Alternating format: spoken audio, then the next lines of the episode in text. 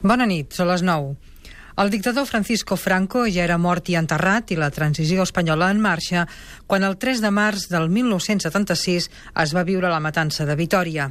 Era una jornada de vaga general per reclamar millores salarials i en les condicions de treball.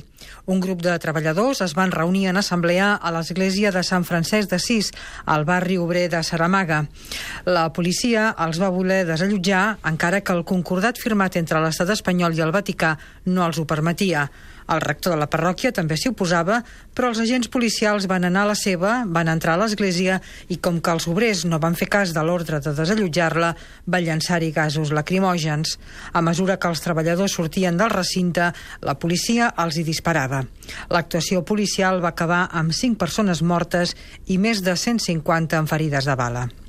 Els responsables últims d'aquella carnisseria van ser l'aleshores ministre de Governació, Manuel Fraga Iribarne, que estava de viatge a Alemanya, el ministre secretari del moviment, Adolfo Suárez, que li cobria l'absència, el ministre de Relacions Sindicals, Rodolfo Martín Villa, i el ministre de la Presidència, Alfonso Osorio.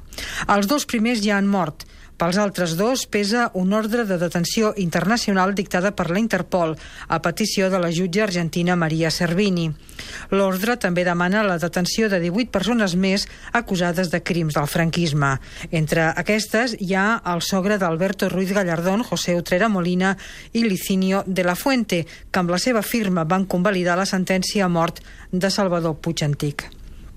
La jutge argentina vol jutjar tots aquests crims i alguns més que la justícia espanyola ha passat per alt i per això ha demanat l'extradició d'aquesta vintena d'homes forts del franquisme.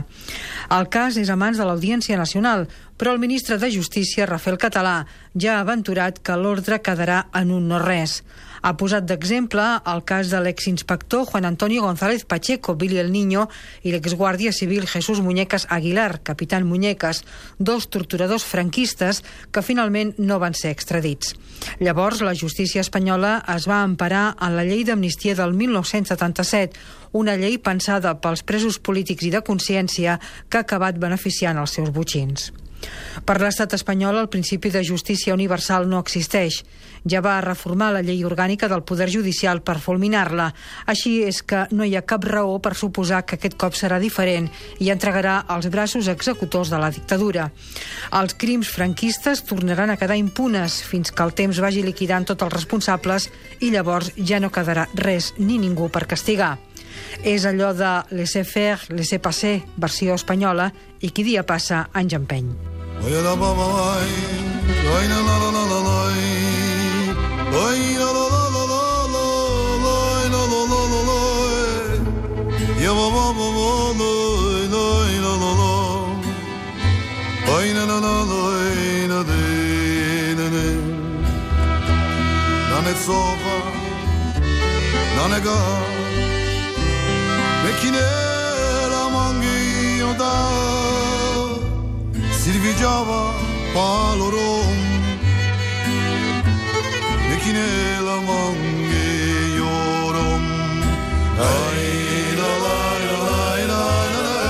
Bona nit a tothom, són les 9 i 3 minuts i aquest és el Cafè de la República número 1642.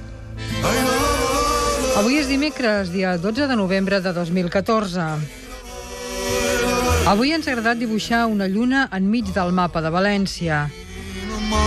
En canvi, no ens ha agradat constatar que la paraula fiscal sona a medicament caducat i ranci.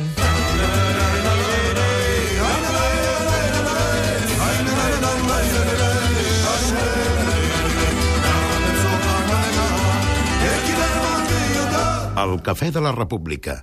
Catalunya Ràdio. Amb Elisa Homedes.